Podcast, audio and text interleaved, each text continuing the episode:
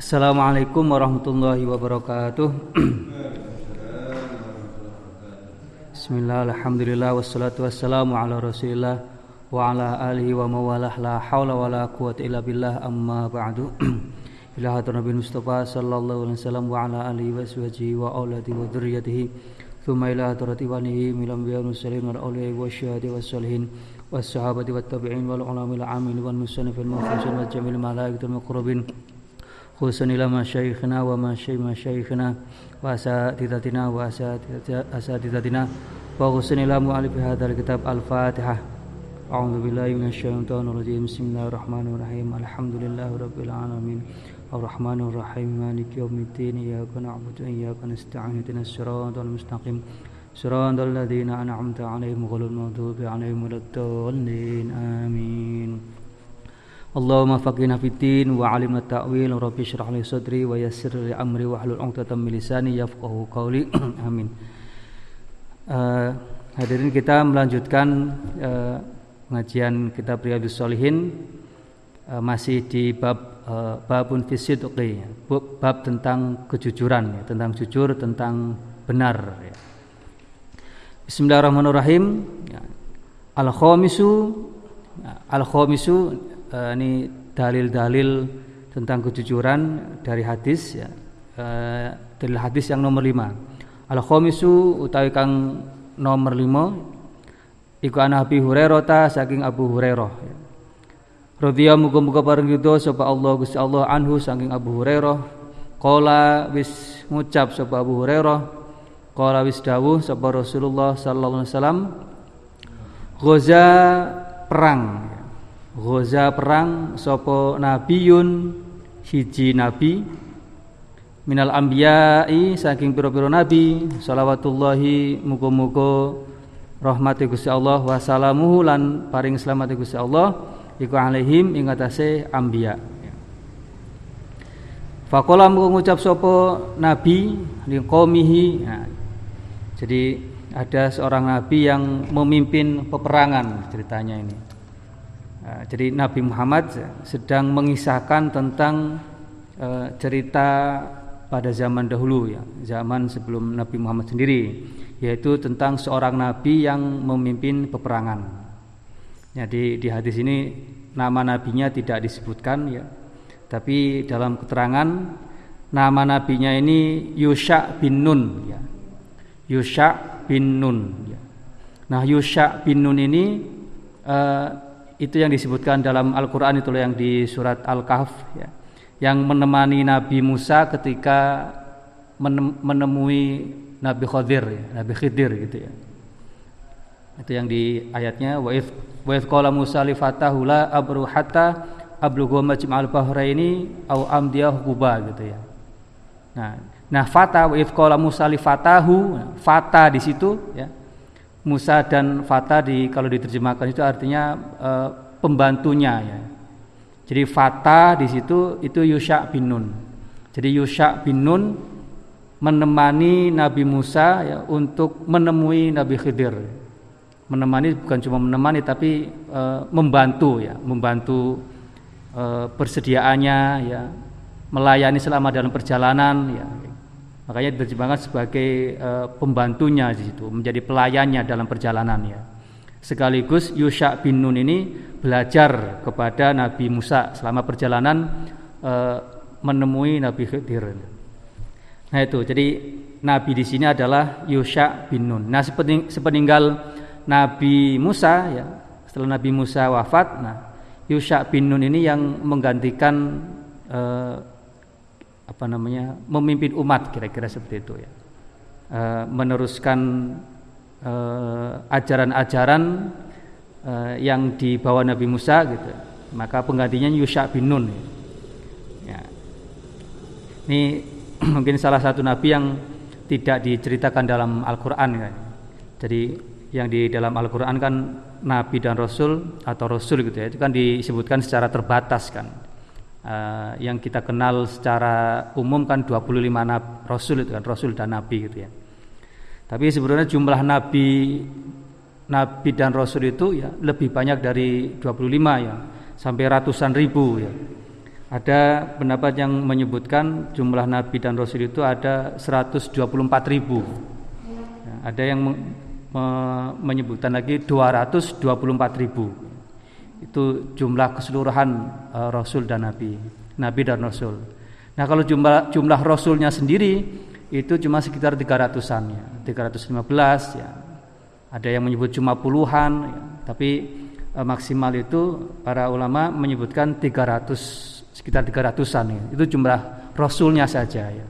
Kalau nabinya itu tadi 124 ribu sampai 224 ribu ya. Ya kalau nabi dan rasul kan ada perbedaannya kan. Kalau nabi itu ya eh, orang yang mendapatkan wahyu dari Allah ya, tapi hanya untuk dirinya sendiri ya.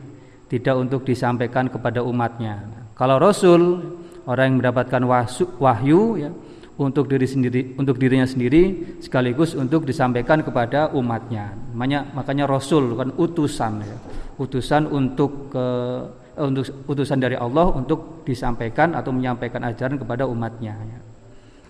nah itu jadi sampai sebanyak itu ya makanya dalam Al-Qur'an itu minhum man qasasna alaika wa minhum lam naqsus alaik jadi sebagian nabi itu kami ceritakan ya kata Allah, sebagian nabi itu kami ceritakan kepada kepada alaika kepada kamu Nabi Muhammad dan umat kepada kita. Wa minhum lam naksus alaik ya, sebagian tidak kami ceritakan. Karena saking banyaknya ya. Wong 25 nabi saja kadang kalau dihafal dan dipelajari ya nggak habis-habis ya.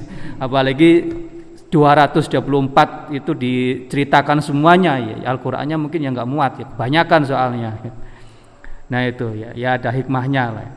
Jadi yang jelas seperti itu. Nah tugas Rasul dan Nabi itu yang paling utama ya mengajak e, manusia, mengajak umat untuk mengenal Allah ya, mengenal Tuhan gitu ya. Karena ajaran Tuhan ya yang tahu Tuhan sendiri ya. Tapi Tuhan kan pasti akan mengutus seseorang yang mengetahui tentang Tuhannya. Jadi Tuhan memberikan wahyu tentang ketuhanan Nah, Rasul ini nanti yang menyampaikan kepada para umatnya gitu ya. Nah, Ghoza Nabiun minal Ambiya. Ya. Jadi ini Nabi Yusha bin Nun memimpin peperangan ya. Fakola mau ngucap sopo Nabiun ya Yusha bin Nun nikomihi marang kaumi uh, Nabi Yusha bin Nun. Layat ba'anni.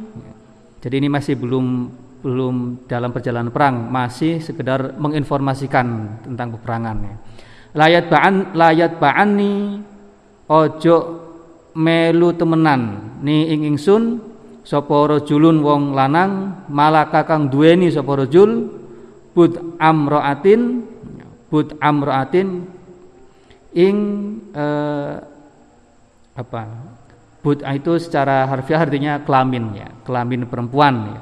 Maksudnya itu dia memiliki eh, pasangan memiliki istri gitu ya.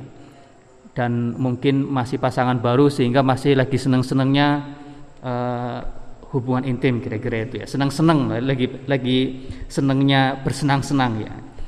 La la ya rajulun malaka but'a imratin imraatin jadi jangan ikut perang dulu ya. jangan ikut e, bersamaku ya.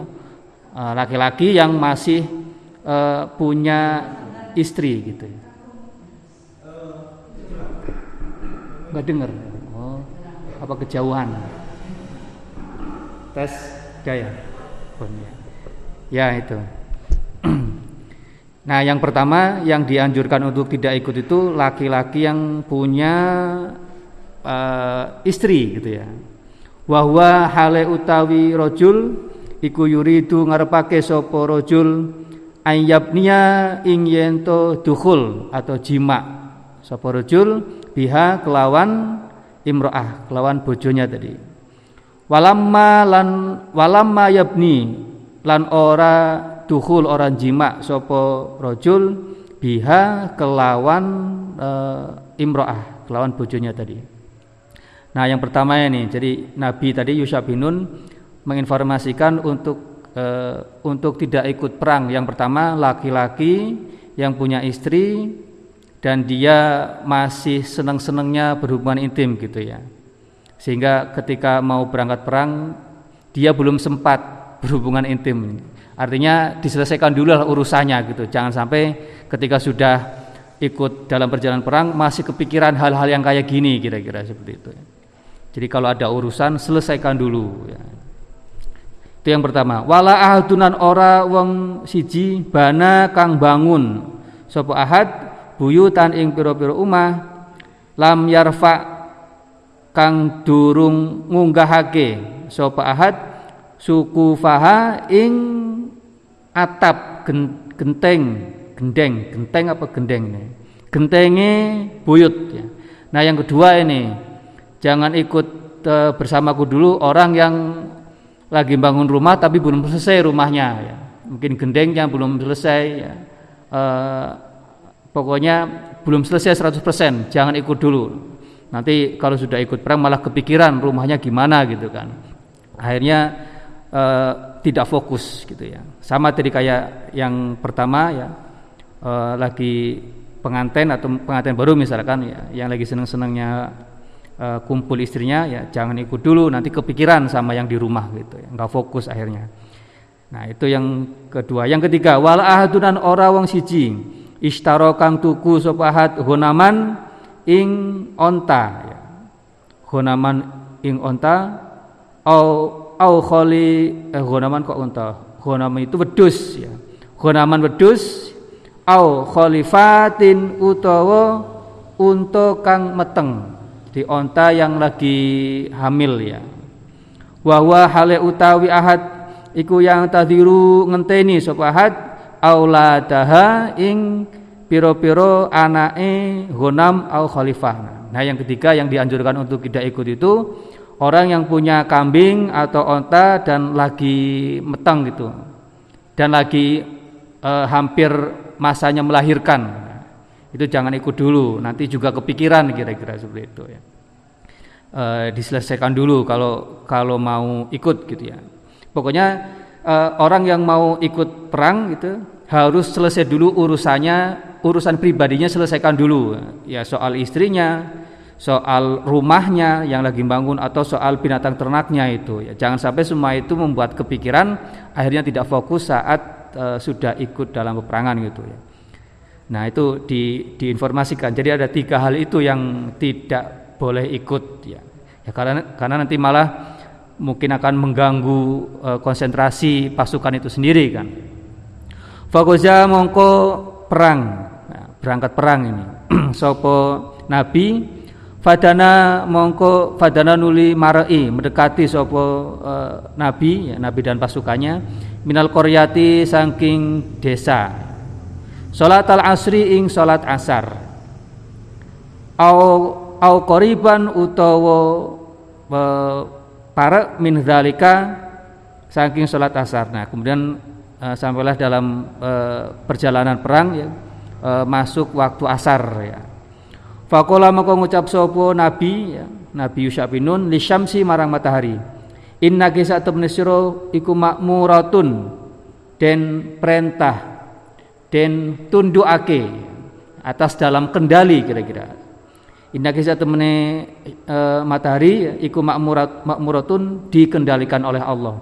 Wana hal utawi ingsun iku makmurun ya den perintah den kendali kendali ake dikendalikan ya kata e, Nabi Yusuf bin Nun itu dia ngomong matahari ya matahari kamu itu e, atas kendali Allah dikendalikan Allah saya juga dikendalikan oleh Allah ya.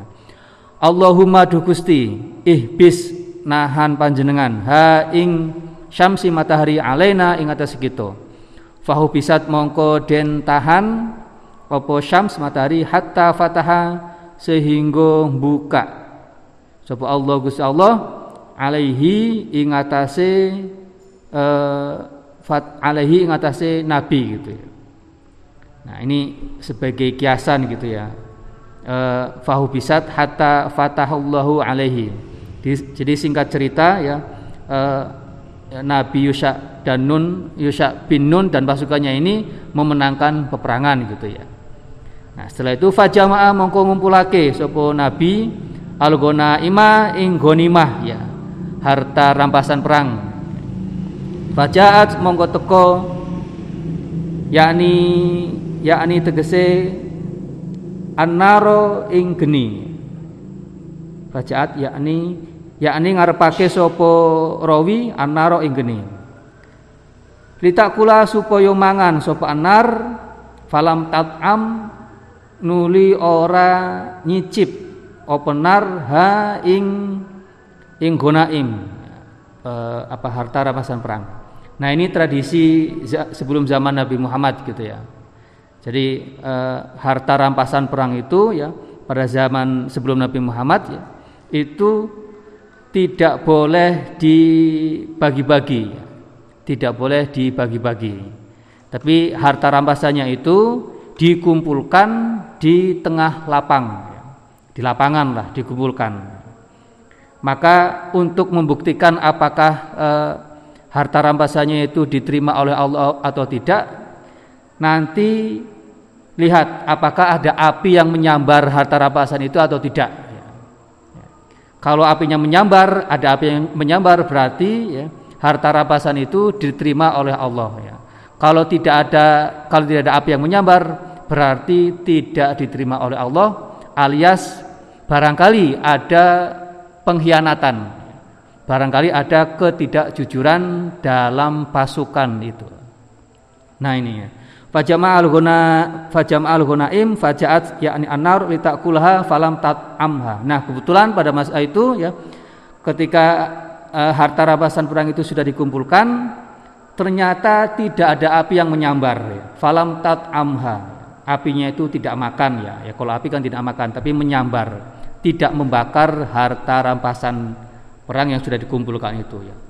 Faqala maka ngucap sapa Nabi Yusha bin Nun Inna inna fikum satemene iku ing dalam sira kabeh hululan apa pengkhianat, pengkhianatan. Nah kata Nabi Yusha bin Nun ya. Ini e, hal yang aneh nih eh, harta rampasannya ini tidak disambar oleh api. Pasti ada pengkhianat di antara kalian. Ada pengkhianat di pasukan eh, Yusha bin Nun itu ya. Fal yubayi mongko podo bayat.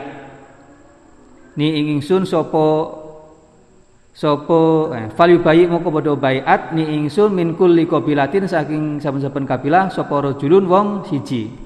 Jadi pasukan pasukan dari Nabi Yusha bin Nun ini terdiri dari berbagai kabilah. Jadi untuk uh, membuktikan atau uh, mengetahui siapa pengkhianat gitu ya. Siapa yang menyembunyikan harta karun ya. Eh, harta karun harta uh, rampasan perang ya. Jadi kenapa dari apinya menyambar ternyata ada dari masing-masing kabilah itu ya ada yang menyimpan harta rampasan yang paling berharga gitu ya. Jadi ada sekian kabilah yang ikut, masing-masing kabilah itu sudah ngumpetin dulu itu ya. Harta rampasan perangnya sebelum dibagi semuanya gitu ya. Masing-masing sudah ngambil itu ya. Jadi makanya itu tadi harta rampasannya itu tidak disambar oleh api, tidak diterima karena memang ternyata ada pengkhianat ya. Mingkuli kobilatin saking saben-saben kobilah sapa rajulun wong ya. Falazikot mongko nempelake. Falazikot mongko nempel. Opo ya julin tangane wong lanang biadihi kelawan tangane nabi nabi Yusuf bin fakola mongko ngucap sopo nabi fikum iku ing dalam sira alhululu pengkhianat kabilah pertama ini e, bayat ya. satu orang mewakili kemudian begitu dijabat tangan oleh Nabi Yusuf bin Nun ketahuan ya eh, kabilah kalian berkhianat ya. eh, pasti menyimpan atau mengambil harta rampasan yang yang yang belum di apa belum dibagikan belum di belum dibagikan secara merata tapi sudah diambil sudah ngambil itu ya satu kabilahnya itu fal tubayi ya, mongko becik bayat ni ingingsun sapa apa qabilatuka kabilah sira. Nah, akhirnya karena satu orang ini dari satu orang ini terbukti ada pengkhianat maka kabilah yang lain ya eh, disuruh berbaiat ya. Falizikot mongko nempel apa ya durajulaini eh, tangane wong lanang loro au salasatin utawa wong lanang telu biadihi kelawan tangane Yusya bin Nun Fakola buku ngucap sopo Nabi Yusuf bin Nun fikum iku ing dalam sira al-gululu utawi pengkhianat. Nah ini. Ketika di bayat Nabi Yusuf Nabi Yusuf bin Nun sudah tahu cukup dengan menjabat tangannya gitu sudah ketahuan ada pengkhianat di kabilah yang ikut itu. Fajau mongko nah apa bentuk pengkhianatannya? Apa e, harta rampasan yang diambil oleh tadi kabilah kabilah-kabilah yang berkhianat itu? Fajau mongko podo gowo sopo kabilah biroksi mithli biroksin kelawan endas mithli roksi bakorotin sepadane endas e, sapi minadzahabi nyatane emas. Nah tadi kabilah-kabilah yang sudah di bayat itu yang ketahuan ternyata mereka berkhianat, ternyata memang mereka masing-masing ya mengambil emas seukuran kepala sapi. Tuh, emas murni ya. Gedenya seukuran kepala sapi itu ya. Faja'u biroksi mitli Faja'u biroksin mitli roksi bakoroti minadhab ya. Akhirnya eh, emas yang segede kepala sapi itu di, di ya, ditunjukkan gitu ya. Dikeluarkan. Fawadu'a mongko ndeleh sopo uh, Nabi Yusha ha ing ghanimah ya. Fajaat mongko teko opo anaru geni faakalat mongko mangan. Opo geni ha ing e, akhirnya setelah e, emas tadi yang diumpetin ya diambil sebelum dibagi-bagi itu dikembalikan ke Nabi Yusuf bin Nun. Akhirnya baru kemudian e, semua harta rampasannya itu disambar oleh api ya. sebagai bukti bahwa harta rampasannya itu diterima oleh Allah ya Artinya peperang menang perang sekaligus diridhoi oleh Allah gitu. Falam tahilla, nah ini, jadi ceritanya selesai. Nah itu, jadi tradisi setiap nabi itu berbeda gitu ya. E, kebiasaan-kebiasaan atau mungkin keajaib, keajaiban-keajaibannya juga berbeda-beda. Jadi pada masa Nabi Yusya bin Nun itu ya e, harta rampasan perang itu tidak untuk dibagi-bagikan gitu ya. Tapi e, dikumpulkan ya untuk ke, sebagai bukti apakah diterima atau tidak peperangannya harta rampasannya ya. Kalau diterima maka buktinya akan ada api yang menyambar. Kalau nggak diterima berarti ada pengkhianatan gitu ya. Tadi pengkhianatan contohnya harta rampasannya mau diambil gitu ya. Mau diambil oleh eh, masing-masing uh, kabilah itu ya. Eh, falam tahila terus kata Nabi ya falam tahilla mongko ora halal. Apa al imu piro-piro rampasan perang piro-piro ghanimah? Li ahadin kaduwe wong siji qoblana ing dalem sadurunge kita. Nah kata Nabi Muhammad ya sebelum masa kita ya pada masa itu sebelum masa Nabi Muhammad gon, eh, harta rapas harta rampasan perang ghanimah itu tidak halal ya. Tidak boleh dimiliki oleh eh, peserta perang oleh pasukan perang ya Suma ahalla, nah suma ahla nuli ngalalake. Sapa Allah Gusti Allah? Lana maring kita al ima ing piro-piro ghanimah rampasan perang. Lama roa tatkalane weruh. Sapa Gusti Allah? Fana ing apese kita lemahnya kita. Wa aj wa ajzana lan yo apese kita. Fa halla mongko ngalalake sapa Allah? Ha ing gonaim lana marang kita Kemudian pada zaman Nabi Muhammad ya ghanimah atau harta rapas harta rapasan perang itu diperbolehkan, dihalalkan ya. Jadi harta rapasan perang itu harta yang harta milik pasukan musuh ya. Ketika pasukan musuh itu musuh itu kalah, maka hartanya boleh diambil ya. Boleh di, dimiliki oleh pasukan yang menang gitu ya. Ya sebagai hadiah perang kira-kira seperti itu. Nah, sebelum pada sebelum masa Nabi Muhammad harta rampasan perang itu tidak boleh dimiliki ya. Tapi untuk ke sebagai pembuktian apakah diterima atau tidak gitu ya. Nah, pada zaman Nabi Muhammad lebih rasional kira-kira seperti itu kan. Karena dia harta ya, e, harta dunia ya, maka ya lebih tepat lebih cocok dimiliki oleh manusia gitu kan. Yang punya manusia kemudian kembali dimiliki oleh manusia Maksudnya itu oleh pasukan yang menang perang itu ya. Ini itu al khalifah muttafaqun alaihi. Al khalifatu ini penjelasan uh, arti perkatanya. Al khalifatu utawi maknane khalifah bi fathil kha'i kelawan fathah khoe kho ya. Al mujamati kang den titik ya, ada titiknya kho itu. Fakasril lami lan kasroh lami kholi khalifat. Iku jam'u khalifatin jamak lafat khalifah. Ya bentuk uh, jamak mufradnya khalifah. Jamaknya khalifah khalifat jamak muannats salimnya wahaya utawi khalifat maknanya khalifah iku anakotu untuk alhamilu kang meteng ya. Onta yang hamil gitu tadi nah ini. Jadi hadis ini masuk dalam bab asyid bab kejujuran tadi itu ya. Jadi eh, ya kisahnya tadi ada pengkhianat ya, orang yang tidak jujur. Jadi harta rampasannya mau diambil sendiri gitu ya pada masa Nabi Yusha bin Nun. Mau dibawa mungkin karena tergiur. Emas ukuran kepala sapi kan luar biasa besar itu. Kalau di dirupiahkan atau dibentuk uang ya uh, mungkin ya miliaran kira-kira seperti itu kan. Ya siapa nggak ngiler kan kalau melihat seperti itu akhirnya diambil saja gitu ya. Tapi akhirnya ketahuan oleh uh, Yusha bin Nun. Asadisu utawi hadis kang nomor 6 an Abi Khalidin saking Abu Khalid. Hakimin Hakim ibni Hazam rupane Hakim bin Hazam radhiyallahu muga-muga paring ridho. Sapa Allah Gusti Allah anhu saking Abu Khalid Hakim bin Hazam.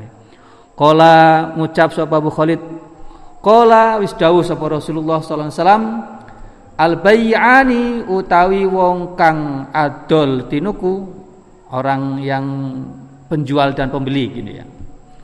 Al bayani utawi wong kang adol lan wong kang tuku ya, dua uh, dua penjual dan pembeli. Iku pilih khari kelawan keno milih. Boleh milih malam ya tafarroko selagine durung pisah selagine ora pisah sapa al bayani. Nah ini bab fikih ini. Jadi kalau di uh, bab uh, fikih itu ada namanya khiyar ya.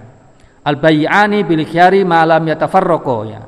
Jadi penjual dan pembeli itu boleh menawar, terutama ya pembeli yang nawar gitu ya. Uh, pembeli eh penjual itu eh pembeli ya, pembeli itu boleh menawar harga selama dia belum pisah ya. Boleh nawar harga atau apa namanya? Boleh memilih gitu ya memilih salah satunya soal harga atau memilih untuk memutuskan beli atau tidak. Ya. itu namanya khiar ya. E, ya tawar menawar ya. Biasanya kan kalau dalam tawar menawar pasti soal harga gitu ya. Boleh menawar soal harga. Akhirnya dengan proses penawaran itu nanti diputuskan mau jadi beli atau tidak gitu ya. Nah al bayani hari malam yatafarroko ya.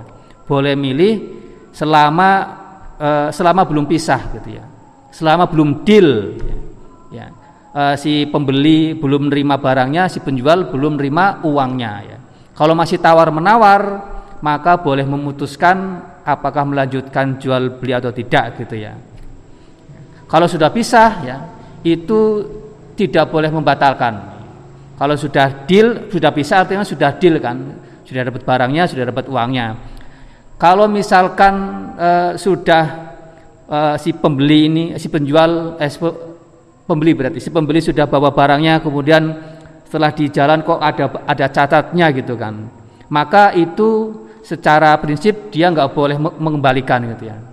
Mestinya kan dia lihat saat saat tadi proses uh, proses jual beli tadi kan, soal tawar menawar. Jadi si makanya dalam proses jual beli itu si penjual harus jujur, harus menjelaskan barang-barangnya ya. Si pembeli juga harus teliti, harus lihat-lihat dulu barangnya gitu ya. Jangan jangan sembarangan nanti begitu pulang ternyata barangnya cacat ya. E, padahal itu karena dianya nggak teliti ya, maka nggak boleh untuk ke, dibalikin lagi gitu ya.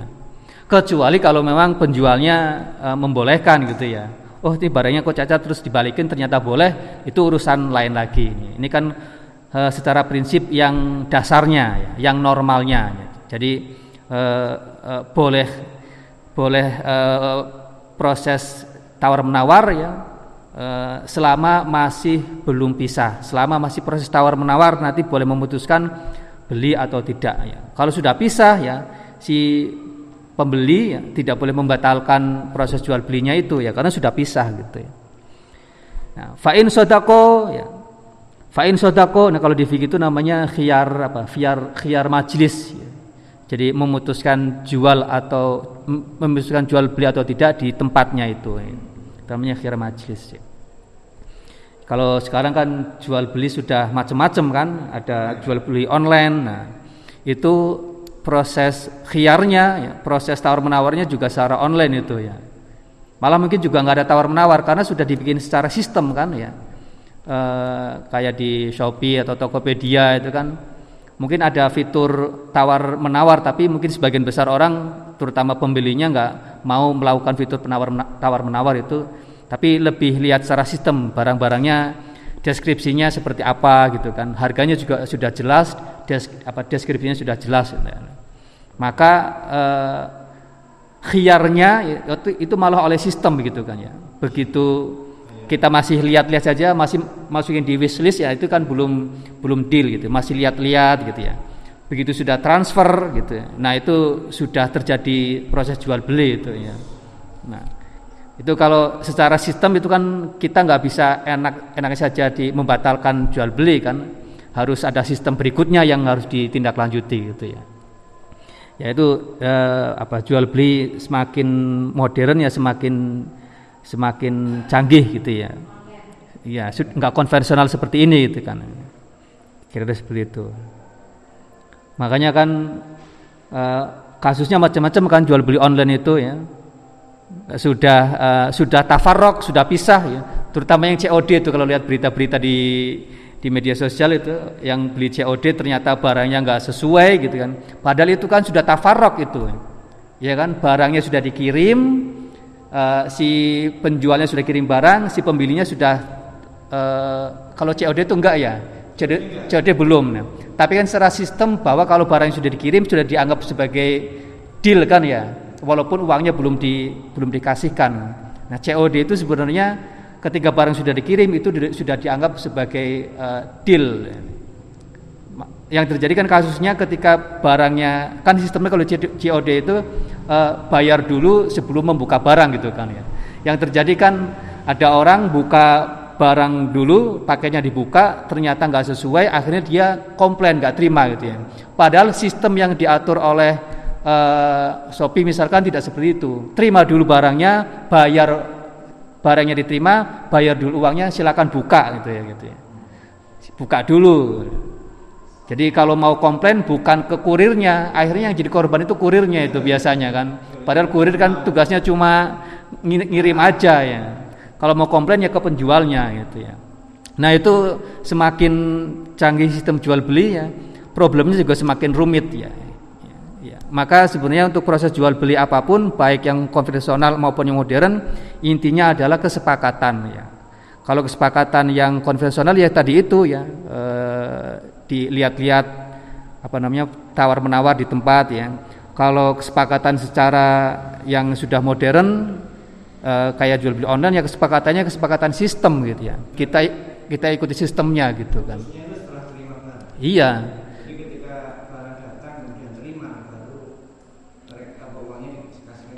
Iya, nggak boleh buka ya, sebelum dia ngasih uangnya. Yang SIM COD kan seperti itu kan. Ya. Itu kan kalau di Shopee itu ditulis itu ada keterangannya ya. Jadi jangan membuka barang kira-kira jangan membuka barang ya sebelum menyerahkan uang kepada kurir gitu ya. Iya, ya bayar dulu baru buka gitu ya. Sebab kalau dibuka ternyata barangnya nggak sesuai, nanti kurirnya yang jadi pelampiasan itu, gitu. kan sudah terjadi kasus kayak gitu ya, malah nggak mau bayar itu akhirnya yang rugi kan ya kurirnya gitu kan. Nah nah jadi gitu. Jadi eh, proses eh, khiar dijual beli online ya sudah lebih rumit ya. Tapi ya biasanya secara sistem kan ya kalau sudah transfer itu artinya sudah deal gitu ya. Walaupun nanti disediakan fitur atau sistem komplain juga gitu ya. Ya intinya kalau eh, transaksi apa pun gitu ya yang terjadi dengan manusia itu soal kesepakatan ya soal kesepakatan ya, e, antara pihak pertama dan kedua gitu ya. Al bayani bil khiyari malam yatafarroko jadi seorang penjual dan pembeli itu boleh memilih boleh tawar menawar e, boleh e, untuk tidak memutuskan dulu ya atau membatalkan ya selama dia belum pisah ya. Kalau sudah pisah maka tidak boleh membatalkan e, jual beli terutama ini dari pihak si pembeli biasanya ya. Kalau sudah pisah sudah terima barang dan sudah menyerahkan uang maka tidak boleh membatalkan e, tidak boleh mengembalikan barangnya itu. Itu secara prinsipnya. Tapi kalau ternyata penjualnya ya boleh membolehkan seperti itu ya ya yaitu soal lain dan boleh itu. Memang memang ada yang seperti itu juga kan ya ya ya masing-masing toko punya kebijakan masing-masing biasanya yang yang seperti ini yang yang yang membolehkan ya walaupun sudah bisa tapi boleh memberikan barang itu ya eh, toko-toko atau warung-warung yang konvensional ya warung yang biasa kita beli sayuran atau toko-toko bangunan itu boleh itu biasanya yang nggak bisa kan kayak Alfamart, Indomart itu kan. Kalau sudah barangnya sudah diterima, apalagi sudah sampai di rumah kan nggak mungkin dibalikin itu ya. Karena sudah pakai sistem modern ya, nggak bisa sistem kemanusiaan. Iya kan kalau kita di warung kan mungkin oh sudah sampai rumah ternyata barangnya jelek ya. Coba ah eh, tawar siapa tahu boleh ya, siapa tahu boleh gitu kan. Kalau di yang Eh, warung-warung uh, modern kayak Indomaret Alfamart kan siapa tahu boleh nggak nggak berlaku itu ya di Lariso atau di Beliau itu nggak boleh kayak gitu pegawainya yang repot gitu kan ya ya, ya yang ya jadi malam yata farroga itu uh, secara prinsip diterapkan oleh toko-toko modern malah. Ya itu bu, sebenarnya bukan karena menerapkan prinsip ini ya, karena memang sistemnya seperti itu ya. Kalau di eh, warung-warung uh, yang tradisional ya masih boleh tawar menawar walaupun sudah tafarok sudah pisah gitu ya. Ya itu sekali lagi kesepakatan ya walaupun hadisnya al bayani pilih hari malam ya tafarroko itu secara prinsipnya tapi kalau ternyata penjualnya mengizinkan untuk tuker barang ya ya nggak apa-apa gitu ya nah itu tapi biasanya yang nggak boleh itu membatalkan membatalkan ini pembelian ya. Kalau tuker barang masih boleh ya. Biasanya kan gitu kan. Wah, petainya banyak belatungnya nih mau dibalikin aja nih. Boleh nuker enggak? Kalau boleh ya ya boleh berarti silakan ya.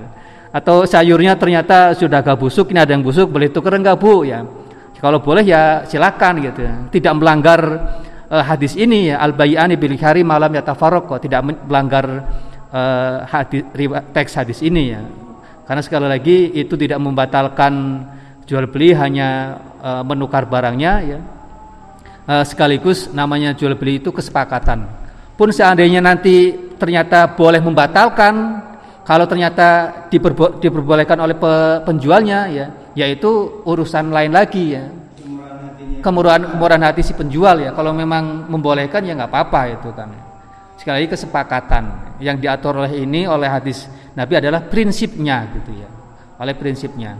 Seandainya nanti penjual itu menerapkan aturan ketat ya ya itu boleh ya.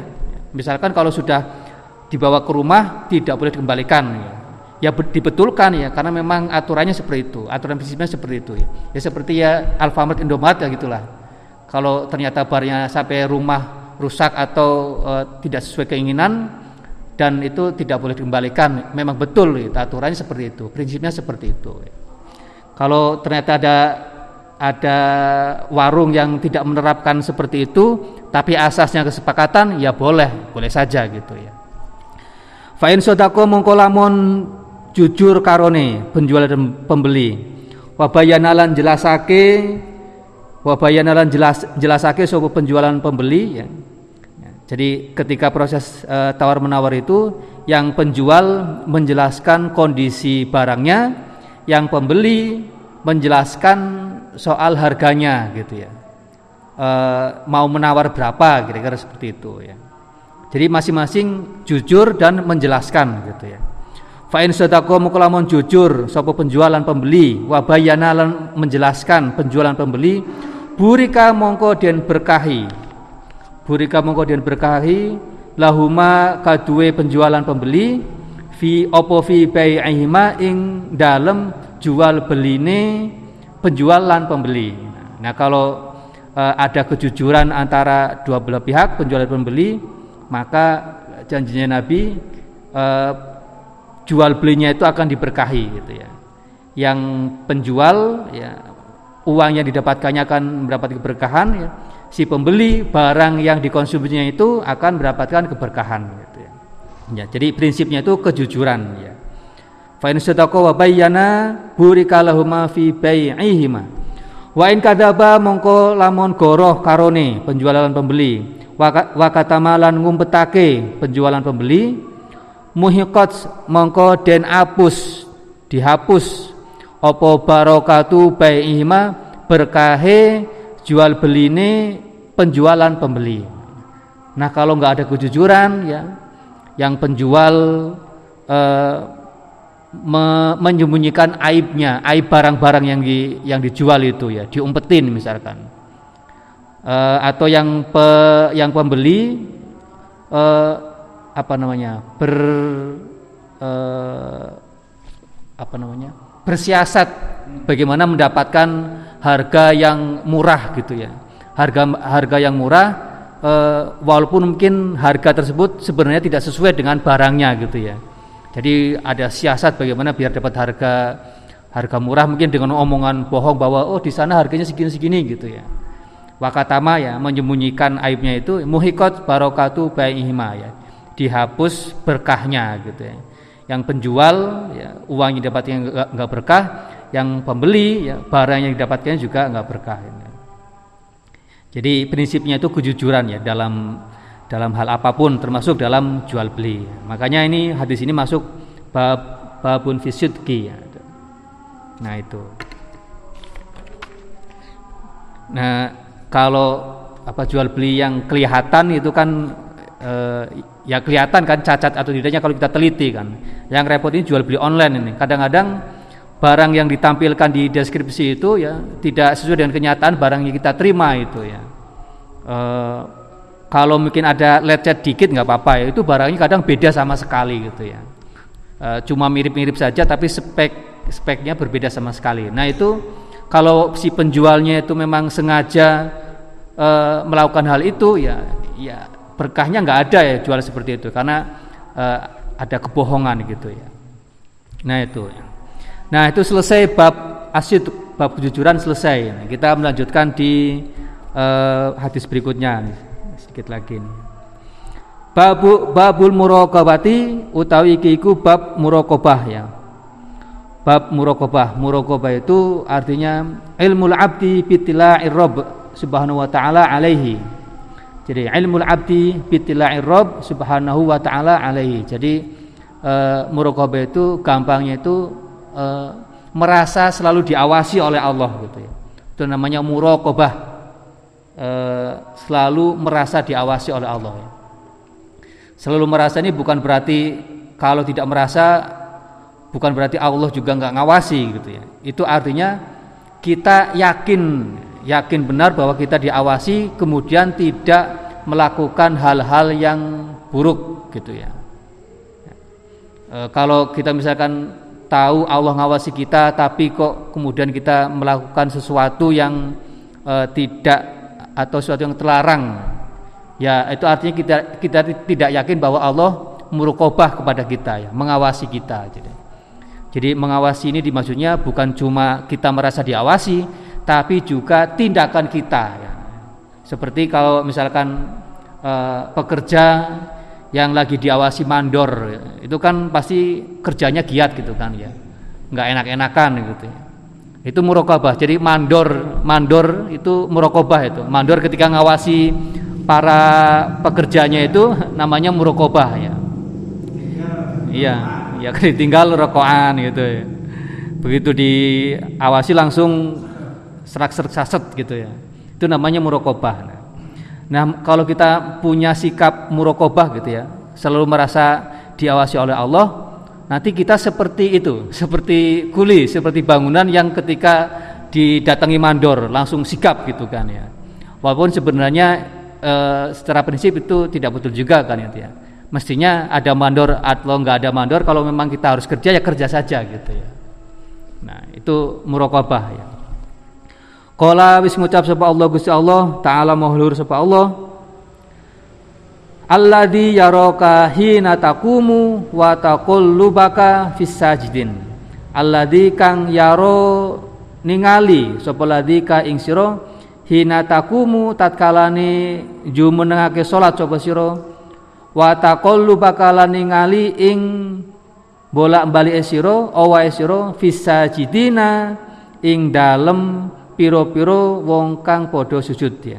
Alladzi yaraka hina taqumu wa taqallubaka fis sajidin ya. Allah yang melihatmu ketika engkau sholat dan ketika engkau uh, sujud gitu ya. Nah ini juga muraqabah ya. Wa qala ngucap sapa Allah taala Gusti Allah taala wa huwa utawi Gusti Allah iku ma'akum sartane sira kabeh aina ma kuntum ing endi-endi ing endi-endi wae ana sira kabeh. Wa huwa ma'akum aina kuntum. Allah bersama kalian di mana pun kalian berada. Maksudnya Allah mengetahui di mana pun kapan pun apa pun yang kita kerjakan gitu ya. Bahwa ma'akum aina ma kuntum. Ya. Jadi Allah mengetahui di mana pun kita berada eh, apa pun yang sedang kita lakukan wa huwa ma'akum aina ma kuntum. Wakola lan wis ngucap sapa Allah taala berfirman sapa Allah taala innallaha satemene Gusti Allah iku la yakhfa ora samar. Alaihi ing atase Gusti Allah apa syai'un siwiji-wiji fil ardi ing dalam bumi walalan ora samar fis samai ing dalam langit. Ya. Innallaha la yakhfa alaihi syai'un fil ardi wala fis sama ya jadi eh, bagi Allah itu tidak ada yang samar baik yang di langit maupun yang di bumi. Ya ini sebagai gambaran saja ya. Artinya ya bukan cuma yang uh, di langit dan bumi saja.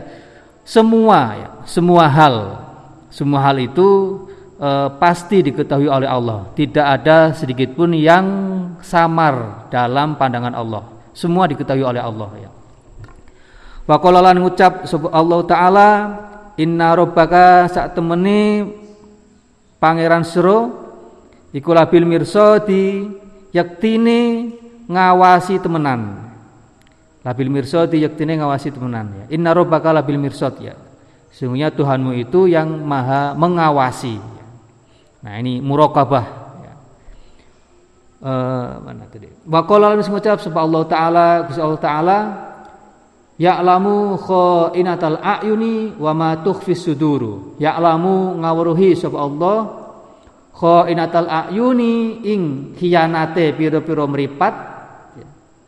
Wa malan barang tuhfi kang samar nyamarake ing ma apa asuduru pira-pira ati. Ya'lamu ya'lamu inatal ayun. Jadi Allah itu tahu ma, uh, pengkhianat pengkhianatannya mata khianatnya mata jadi khianatnya mata itu artinya e, mata ini melihat hal-hal yang terlarang gitu ya. Ya, kalau khianatnya mata ya melihat hal-hal yang terlarang. Kalau khianatnya telinga mendengar hal-hal yang terlarang. Kalau khianatnya mulut ya ngomongin hal-hal yang tidak boleh ya. Nah itu. Nah, semua pengkhianatan anggota tubuh itu ya atau dosa-dosa anggota tubuh itu diketahui oleh Allah. Ya'lamu khainatal a'yuni. Wa malan barang tuhfi kang nyamarake uh, ingma opo asuduru piro-piro ati. Dan apa pun yang disembunyikan oleh hati itu semuanya diketahui oleh Allah. Wal ayatulan utawi piro-piro ayat fil babi ing dalem bab bab murokobah maksudnya itu iku kathiratun akeh maklumatun tur den kawaruhi jadi ayat-ayat yang terkait murokobah ini uh, cukup banyak ya, bukan cuma ayat yang tadi disebutkan. Ya. Nah hadis-hadisnya mungkin kita akan baca di pertemuan berikutnya ya minggu depan ya. Wassalamualaikum warahmatullahi wabarakatuh.